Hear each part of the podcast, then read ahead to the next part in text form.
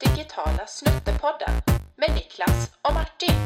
Presenteras av Bombay Works. I took the initiative in creating the internet.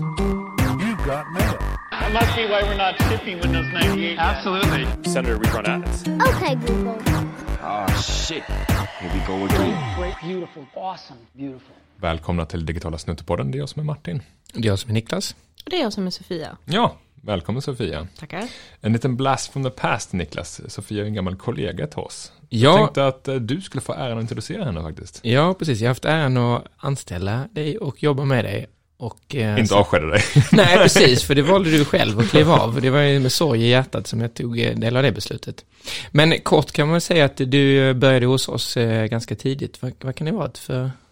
Ja, jag tror det var slutet på 2015. Exakt, kanske. fem år sedan typ. Mm. Mm. Hade jobbat på Whisper Group en del innan, eller hur? Ja, precis. Eh, och blev projektledare hos oss. Eh, och tog sen över vårt Indienkontor och var vd där under två års tid. Mm. Och sen skulle du komma tillbaka så jag hade storslagna planer, men det hade du också. Och då Mm. startade du Amöba tillsammans med en eh, bekant. Yes. Så eh, det är väl lite därför vi sitter här nu också för att prata om att våga göra saker som man inte eh, egentligen vågar. Eh, för eh, vi tänker att eh, det är läskigt att starta en ny byrå. Verkligen. Det är läskigt att åka till Indien och det vågar du göra ju. Hur kändes det när du skulle ta dig an det?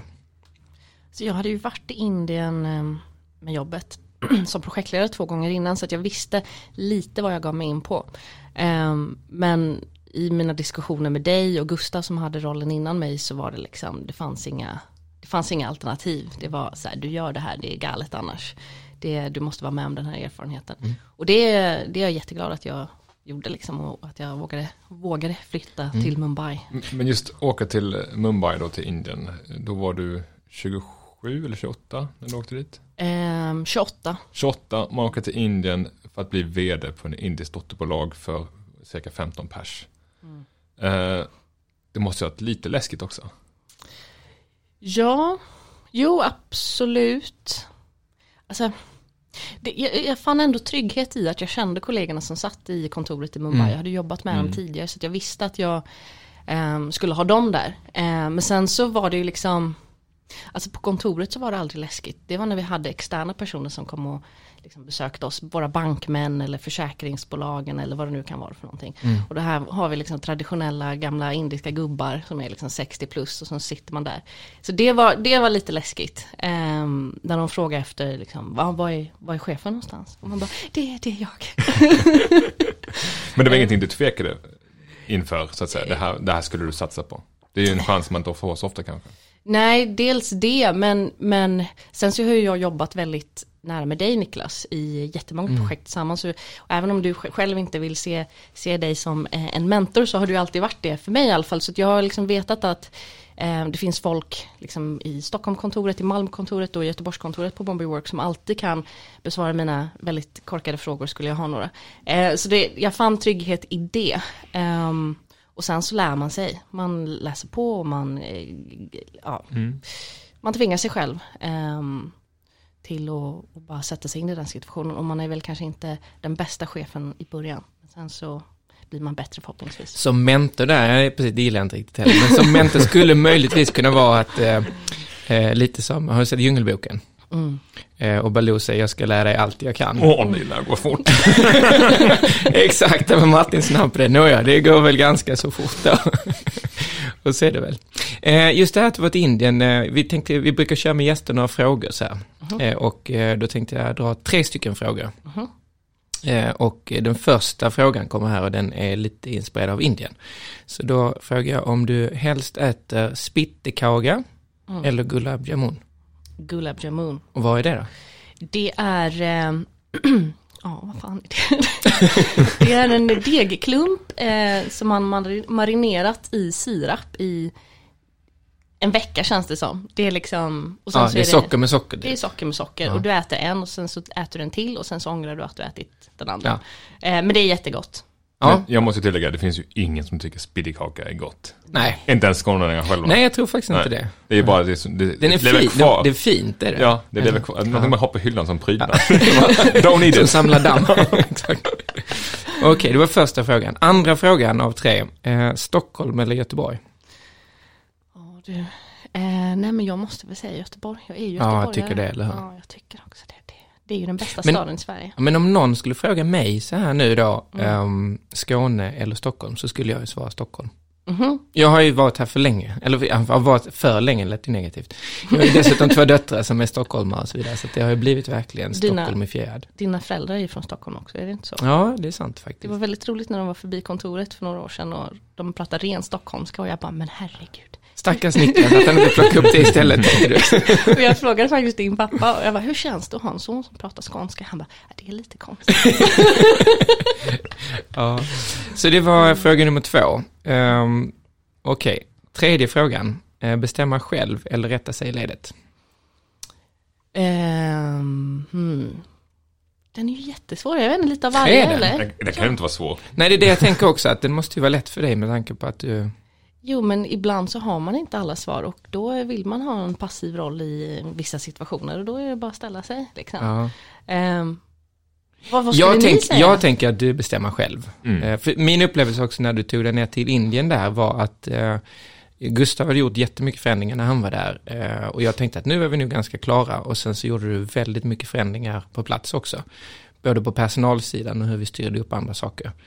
Eh, så det kändes som att du var liksom inte en som rättade sig i ledet utan på något sätt tog tuffa beslut och vågade göra saker. För det tänkte jag att du gjorde saker som var lite läskigt kanske när man är 28 år. Mm. Nu kommer jag inte på några. Ja men vad hade vi där? Vi hade ju vissa, vissa anställda som, eh, som faktiskt inte riktigt skötte sig då, som du fick ta hand om. Och, Mm. och det gjorde du ju med den äran. Och det måste ju vara läskigt att ta sig an när man är 28 tänker jag. Personal är väl det läskigaste som finns. Ja, alltså det är ju precis, alltså personalansvar. All cred till folk som har personalansvar för att det är, eh, man är ju psykolog, man sitter Mm. där som Mm. terapeut liksom. Men nu har du vågat något annat då, och det är att du har startat Amöba. Mm. Eh, och vad är Amöba lite kort då? Det är en eh, digital eh, byrå. Mm. Vi försöker vara full service så gott vi kan. Eh, men det är kul att säga att vi är full service i alla fall. Eh, och vi gör appar, hemsidor, allt möjligt. Ja, digitalisering. Och eh, Julia, min medgrundare och jag är, är liksom intresserade av eh, musik och kultur så vi har en tendens att dra oss åt den typen av projekt. Du har ägt projekt innan, både på Bombay Works och eh, även eh, kanske tidigare i din arbetskarriär. Och också ägt, ägt så att säga ett kontor, eller varit chef för ett kontor. Vad är det som lockar med att bli helt egen? Vad är det, vad är det som, jag, jag känner ju det lite så jag vet att det inte är pengar och annat. Det måste, någonting annat under ytan finns ju som tycker att du, du tycker att det är skönt att vara egen eller? Nej, men jag tänker, dels så, jag tog examen 2015 och hade jobbat såklart vid sidan av mina studier och sådär, men aldrig heltid inom någonting som jag var utbildad inom. Och jag jobbade här på Bombay Works i fyra år och det var liksom, det var, jag var nyfiken på att se om jag var duktig på att jobba någon annanstans. Eh, Jag kanske bara hade haft tur här på Bombay Works och kommit så bra överens med mina kollegor och vi var liksom samma typ av folk. Eller jag vet inte, det var liksom de tankarna jag hade. Och att man eh, i, av den anledningen vill se om man eh, klarar av att göra någonting någon annanstans. Och då antog du den svåraste utmaningen att starta någonting själv. det, känns ju bra. det känns ju bra. Men handlar det lite om att bevisa för sig själv att man Ja. kan själv då eller? Jag tror det. Ehm, men också att jag liksom i bakhuvudet tänkte att jag någon gång i framtiden vill göra det. Och sen så hörde Julia av sig, eh, min medgrundare på Amöba. Och jag kände väl kanske att det var lite för tidigt. Det var inte den planen jag hade i huvudet. Men sen så kom hon och jag väldigt bra överens och vi hade samma vision och allt det där. Så att det- det kändes som att jag var tvungen att ge det ett försök. Och sen när man är chef på, på eh, ett större företag så har man ju andra personer Ehm, som, som har mer erfarenhet än sig själv än vad det nu kan vara för någonting. Och där, där kan man ju alltid vända sig till den, alltså de personerna om man har problem eller om det är någonting som, man, ehm, som man är kluven inför, man vet inte hur man ska hantera en viss situation eller vad det nu kan vara för någonting. Och på ett större bolag så har man även en dedikerad ekonomiperson så att man kan vända sig till eh, denne då för att liksom ställa, ja men hur gör jag den här eh, formen i Excel eller vad det nu kan vara för någonting. Eller hur gör jag budgetering för det här året eller marknadsföring, Martin kan du ge mig lite tips och tricks på det ena och det andra. Ehm, så det finns ju liksom en trygghet i att driva ett kontor eh, för att det finns andra kontor om det är ett större bolag. Men om du liksom är egen då måste du sätta dig i, för vi har inte råd att anlita en ekonomiperson. Vi har inte råd att anlita en marknadsföringsperson och då måste man liksom ehm, lära sig och det är jättekul. Det är ju Ja, på något sätt är det ju så. Man är en eh, schweizisk eh, armékniv på något, någon vänster och springer runt och gör allt. Eh, och det är ju roligt för då får man ju verkligen utmana sig själv att göra saker som man inte annars kanske är så bra på. Verkligen, ja, men jag tänker att det måste varit så för er också, men du satt och programmerade i början, gjorde du inte det? Ja, lite grann och det var kanske eh, fel prioriterat. Han Så sopar ju fortfarande mattan här också. och diskar. ja, Han har svårt att släppa vissa saker. Det, Ja. Att starta ett bolag, det innebär ju risk. Mm. Hur riskvillig är du i övriga livet? Alltså, gillar du risk? Eh, ja, varför inte? Mm. Alltså jag menar, jag är ju liksom, jag kan alltid flytta hem till mina päron. Alltså det är liksom, är det fallbackplanen? det är verkligen fallbackplanen. Hem i flickrummet. Ja, Exakt. Nej, men jag, man har ju liksom den tryggheten och då känner jag så här, ja men varför inte? Och sen så tror jag också, jag menar, jag är systemvetare, jag har erfarenhet i en bransch där det är liksom, de skriker efter folk med den typen av kompetenser som vi har, tror jag i alla fall. Och eh, i det då så, så känns det som att det finns jobb för en, skulle man misslyckas. Så du upplever inte så mycket risk ändå? Nej, Eller kalkylerad risk kanske? Ja. i alla fall. Alltså det, det är en jättesvår fråga att svara på för att man, det är ju en risk i sig, absolut. Men um, Amöba är ju um, ingenting som vi startade från grunden utan Julia drev ett annat bolag som blev Amöba. Så vi hade kundbasen och allt det där. Så det Mm, Okej. var ju en viss ekonomisk trygghet i den bemärkelsen. Jag gick in med en lön. Ehm, så att, och, och hade det inte varit så så vet jag inte om jag hade Nej det. För tittar man lite på risk och så vidare kring att starta bolag så kan man ju bli ja, förvirrad faktiskt när man googlar på det. Det är inte helt glasklart hur bra det går för nystartade bolag. Men läser man på ekonomifakta.se så pratar de om en undersökning som var att mellan 2014 bolag som startades då och tre år fram 2017 så hade 76 procent faktiskt en fortsatt verksamhet. Nu är väl det lite svårt att mäta kanske hur det, vad det är, om det är en lyckad verksamhet och så vidare. För det fanns en annan undersökning också som Tele2 har beställt som heter Power to Stay Ahead. Som gjordes av United Minds lite senare. Och då pratar man om att 10% av bolagen lever på lång sikt. Och bara hört. väldigt få som faktiskt blir lite större än bara liksom enmans eller tvåmansbolag. Så, och då kan man undra om det är risk eller inte, men det är kanske i alla fall så att det är svårt att lyckas och svårt att eh, nå de mål man vill. Och risken med det kan ju vara då ifall du gör det för att du ska bevisa att du, du kan själv, att man eh, får en knäck för självförtroendet möjligtvis. Eh, hur, hur tänker du på de riskerna utan att jag hoppas att det blir så? Min förhoppning är att det ska susa till oanade höjder. Nej men det, det är en jättebra fråga och det är, svår- jag vet inte, det är svårt att svara på. Jag, jag tänker liksom, om man är en erfarenhetsjunkie som jag är och som jag, om jag känner er båda rätt, ni också är, att liksom man ser inte misslyckanden som någonting som, nej, som är negativt, utan det, det, man tar med sig de lärdomarna och sen så kanske man kan göra någonting bättre av det. Det är klart att det är jättetråkigt att misslyckas, men eh, jag har ju jobbat på Amöba i ett år nu, jag har lärt mig jättemycket. Skulle vi flunka nästa år så, så, så har ju den tiden inte gått förlorad. Alltså jag, jag vet ju att jag kommer kunna ta med mig den erfarenheten och den kompetensen någon annanstans. Och jag tror att om man har den inställningen så vågar man satsa mer också. Ja, Jag tror att risk är nyckeln till lycka. Om man inte riskar någonting så har man ganska tråkigt. I Ja, det blir lite mellanmjölk på allting. Det är väldigt mellanmjölk. Och många pratar om att man ska inte identifiera sig med sitt jobb. Och det har jag alltid funderat på, varför ska man inte göra det? Om man identifierar sig med sitt jobb så gör man nog någonting som är ganska spännande. Om du är ekonomiassistent på Sandvik så kanske du inte, då, då är det inte kanske så roligt att du har inte tagit så mycket risker i ditt liv. Men om du gör någonting som är värt att identifiera dig med så är det kanske kul på. Men det är ju klart att det har ju ett människovärde oavsett hur det går på jobbet och så vidare. Men Ja. om du har ett roligt jobb och du lär dig någonting så är ju det en stor del av din personliga utveckling och... och Ja, man kanske snarare tar med sig personligheten in i rollen så att säga. Ja. För jag, jag vet inte, jag kan inte tala för er, men jag gillar ju att lära mig nya saker på privatplanet också. Mhm. Inte bara i jobbet. Och då kanske man kan kombinera de rollerna på något sätt. Ja, absolut. Va- va- alltså en, en, en drivkraft som jag har haft genom alla år eh, är ju ångest. det är, om folk frågar vad är din drivkraft så är det ångest. Antingen är det ångest att ta sig ur den besvärliga situation som vi var i 2011 när vi höll på att gå konkurs. Eller så var det ångest när man precis hade startat 2007. Eller så är det ångest som det är nu att försöka fortsätta växa bolaget och vara osäker på hur det ska gå med, med 2020 och överhuvudtaget ångest kring att liksom, man har kommit en bit och då finns det en viss fallhöjd. Eh, Och där pratar man ju om att för mycket adrenalin, som man säger, leder till ångest. Men adrenalin i sig, det här när man får när man vågar göra någonting, när man gör något som man inte riktigt kan, det är ju liksom fint också. Det finns motivation i det, du får bra produktivitet och det är ju grunden för överlevnad. Och vi har ju pratat eh, mycket, du och jag, Sofia, om ångest. Eh, för du har också någon slags driv i ångesten, har jag upplevt det som. Ja men verkligen. Jag läste faktiskt en artikel för inte så länge sedan som någon, em, em, en gammal eh, vän till mig eh, från tiden i Uppsala som är psykolog. Eh, och i den artikeln så pratar man just om ångest och att det är en, en, en, en faktor i att här, ly- lyckas på en arbetsplats.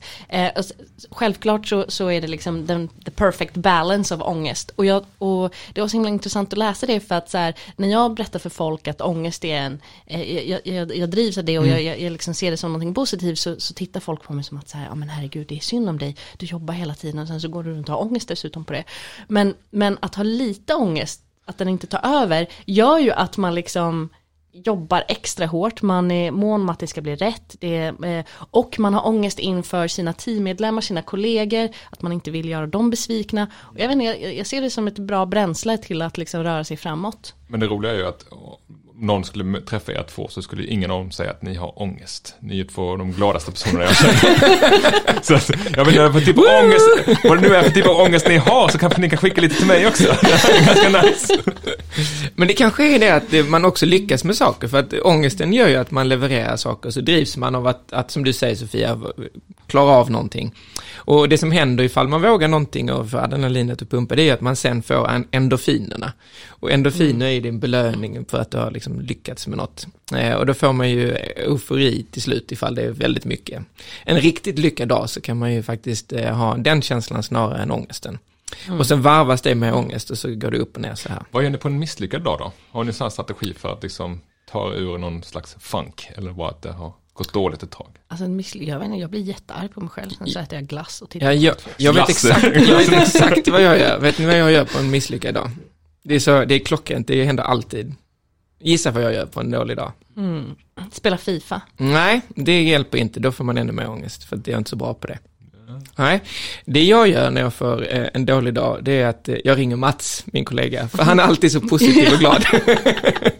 Ni båda känner ju Mats, eller hur? Han har inga dåliga dagar. Nej, så när man känner så här att fan vad tungt allt är, då eh, lyfter man luren och så snackar man med Mats och kollar man lite läget. Och sen efter det så är man ju på små moln igen då. Och det tror jag så här, jag tror att vi har pratat om det tidigare, i alla fall du och jag Martin, så här om att eh, när Beatles träffade Elvis, så efter det så var de eh, lite nedstämda, för de konstaterade att vad jobbigt det måste vara att vara Elvis. För det är ingen som vet hur det är att vara Elvis mer än just Elvis. Medan Beatles-medlemmarna, fyra stycken, i deras ups and downs så var de alltid fyra och kunde prata med varandra. Det. Och det är väl lite det som har räddat mig genom åren, att när vi startade bolaget så var jag, Jonas och Gabriel. Och sen så gick Gabriel tyvärr bort i cancer då 2017, men Mats har ju också varit en väldigt nära kollega, så man har ju hela tiden haft de här kollegorna som har lyft den när det har känts som jobbigast då. Och så blir det lite att man får växel då. Så där känns det som att du och din kollega där, Julia, ni måste på något sätt stötta varandra och vara varandras dämpande av ångest kanske. Ja, verkligen.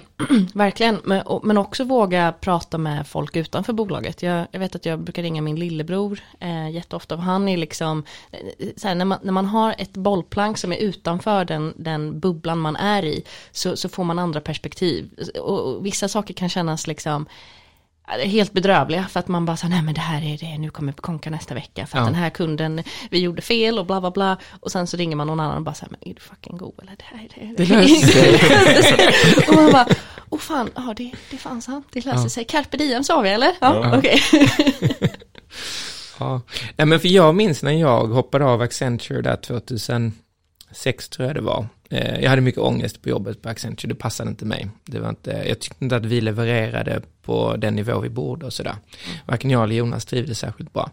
Men det var ett stort beslut att hoppa av Accenture med den karriär man hade framför sig och tryggheten i lönen och så vidare.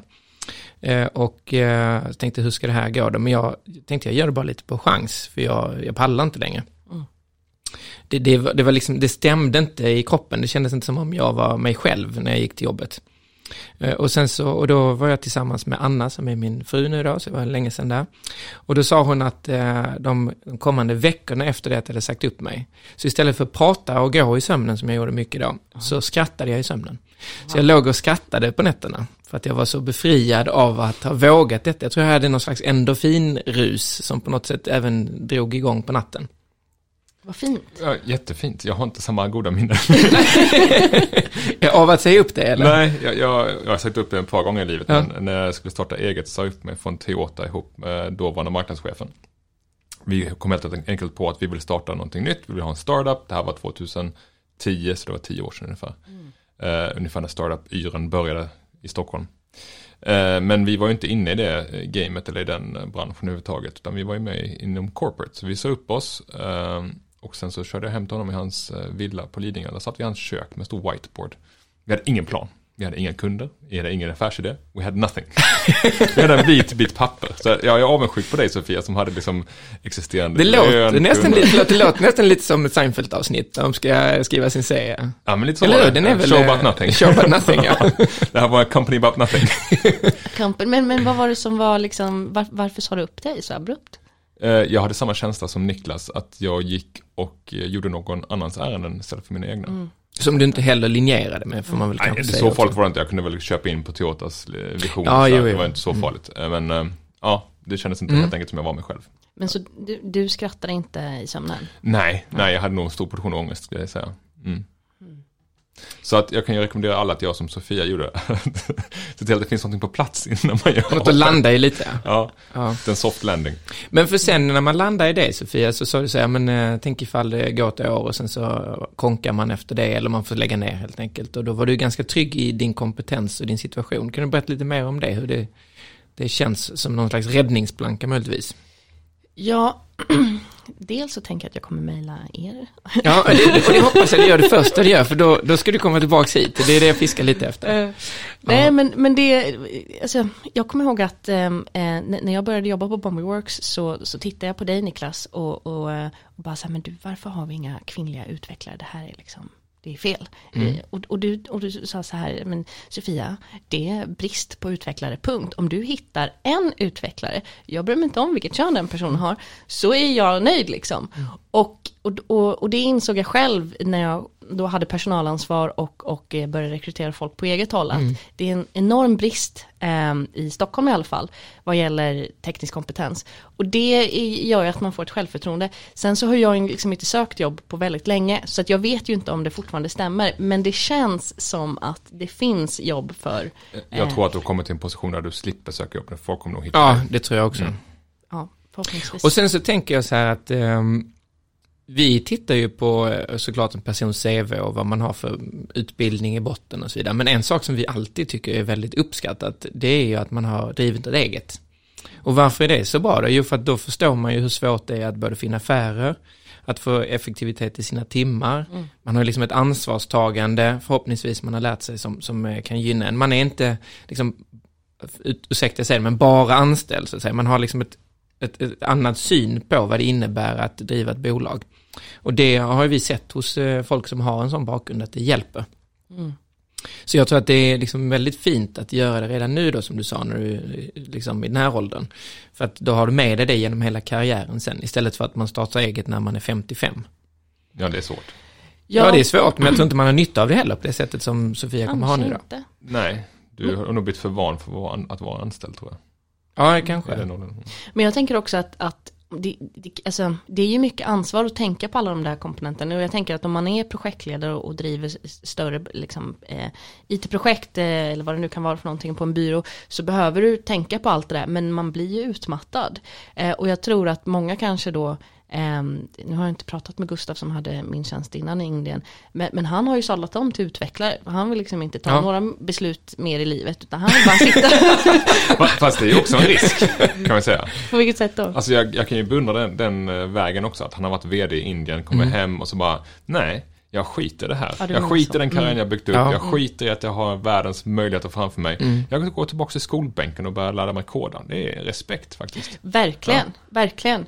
Och också liksom dels då äga eh, det du gör och bli specialist inom ett ämne eh, och, och, och sen bara liksom testa det. Eh, Och trivs man inte i den eh, miljön så har han i alla fall den tekniska kompetensen att kunna liksom göra vad fan han vill efter Ja, det. framförallt så är man ju bättre på jobbet om man tycker det är roligt och om man känner att man kan vara sig själv. Och om nu Gustav då kände att det passade honom bättre så absolut, då tror jag att han, eh, han kommer vara gladare genom livet på grund av det då. Vad, eh, bara en så här, jag läste på lite vad som gör att man tar risk och inte och eh, vet ni om att hjärnan inte är färdigutvecklad förrän typ vid en viss ålder? Vet ni vilken ålder som hjärnan är färdig? Jag tror att det är 26 va? Ja, typ, ja precis, bara 25 står det också, 25-26. Och vad är det som That sist växer till? Jo men absolut, det, det är lite därför man skulle kunna argumentera för att eh, egentligen inte killar framförallt borde få ha körkort förrän de är 25. Eller få rösta. Ja men massa olika saker egentligen. För att eh, i pannloben eller frontalloben, där sitter mycket av det som sköter riskbedömning. Och det vet man ju själv att eh, när man var 22, då körde man ju bil på ett annat sätt och man var ju också eh, kanske så här, anything goes lite. Eh, Som student gjorde man mycket dumma saker som man aldrig hade fått för sig nu. Och jag tror att när man också har blivit förälder som du och jag är Martin, så på något sätt så blir man lite mer riskmedveten också, för man förstår att man är... Man ser allting i slow motion med sina barn. Har du Ja, också det? ja. Att man kan så här förutspå 8-9 steg framöver. Det där kommer hända, det kommer hända, den kommer ramla, det kommer hända. Så då kan man ju undra om barn är modiga, så. Eh, eller om de bara inte helt enkelt är medvetna om riskerna. För det är en sak att typ så här vara modig och göra någonting som man liksom nästan vet att med 99% sannolikhet så kommer att lyckas. Då är man inte modig, då är man ju bara koll på riskerna. Medan att starta ett bolag och så, det är så mycket osäkerhet, så när man sig ut i det som du har gjort med Julia, så vet man ju faktiskt inte. Och då är man ju modig att man satsar. Men jag tänker just den här, ja men alltså Precis, men man är ju modig baserat på vilka förutsättningar man har. Jag tror att hade jag haft barn och ehm, ehm, jag vet inte hur det är att ha barn, eh, men jag bara ser på, på alla andra att det verkar vara eh, väldigt stressigt och att man inte har så mycket tid. Och eh, att starta ett nytt bolag kräver ju mycket tid. Man kräver fokus, ja. Det kräver fokus, det det kräver många timmar per vecka. Jag, jag, jag, alltså, vi jobbar ju inte åtta timmar per dag, det Nej. blir ju liksom att man tänker. Och det gör ju att man kanske vågar och kan eh, fokusera på ett helt annat sätt. Eh, med det sagt så, så betyder det inte att man inte kan starta eget när man ha- har barn. Eh, men i, i just mitt fall så kände jag att ehm, att, att det var liksom, det är nu eller aldrig. Mm. Ehm, och jag vet inte, det kanske var likadant för er. Ja, jag tror det också faktiskt. Ja. Att det var inte läge att skjuta upp det. Nej. Nej, jag, jag hade inte barn när jag startade. Men jag fick efter ett par år. Mm, samma för mig. Om man nu tänker sen att 2020 var ett speciellt år och vi har haft eh, corona, eller vi har coronakrisen och så. Eh, hur ser ni på det hos dig och Julia där kring vad det påverkar, hur det styr liksom, möjligheten till affärer och det digitala? Ja du, alltså i i början, corona peak, Mm. mars, april så tappade vi några kunder. Men sen så fick vi eh, nya kunder lika snabbt och då Mm. var det vad jag kallar för panikdigitaliseringsprojekt. Mm. Eh, folk som hörde av sig och bara så här, okej hörni, vi, Ja, vi måste dig- digitalisera den här delen av vår verksamhet och vi måste lansera nästa vecka. Mm. Så att den perioden jobbade vi jättemycket Mm. och sen så lugnade det ner sig. Ehm, och jag tror att många bolag ströp marknadsföringsbudgeten ehm, i början och under sommaren och allt det där med permitteringar hit och dit. Och sen så nu på hösten så har vi börjat märka att så här, ja men just det, digitalisering är marknadsföring. Så vi kanske borde öka den budgeten lite till för att Mm. vi läcker pengar här eller vad det nu kan vara för någonting. Så att just nu så känns det som att det börjat komma igång igen. Och jag, jag, man vet ju inte vad som händer nästa år. Men jag tycker att det är så himla ehm, intressant att läsa om, om dels större bolag, till exempel Mathem som har hittat en ny målgrupp, en äldre person. Mm, som äldre, har- ja, precis. Exakt som man liksom börjar så här, ja men ja just det, jag har en dator, jag har en mobil med en webbläsare, jag kanske kan beställa hem mat. Hur gör man det? Ja, man gör så här. Ja men gud vad smidigt, varför har jag inte gjort det här tidigare? Så att säga, jag tror att liksom beteendemönstret har ändrats såklart. Ehm, och jag vet inte, det känns som att många företag vågar satsa digitalt nu. Ehm, sen så är det ju liksom ekonomin som man måste lösa på något slags sätt och det är ju jättemånga bolag som blöder såklart men jag vet inte, det känns som att det, vi kommer ta oss ur det här. Jag hur Ja, känns ja, det ja, för men ja, precis. Jag tänker så här, om man går tillbaka till vilka ämnen som utsändas så kan man ju få lite adrenalin när man läser om hur ekonomin går sämre och sämre och man ser tomma lokaler på gatuplan och så. Men sen samtidigt så läser man om hur digitaliseringen eh, skyndar på och då kan man få lite endorfiner som flödar också. Så min förhoppning då är ju att eh, det finns en balans i det och att vi som jobbar med digitalisering, att vi har eh, möjlighet att satsa vidare.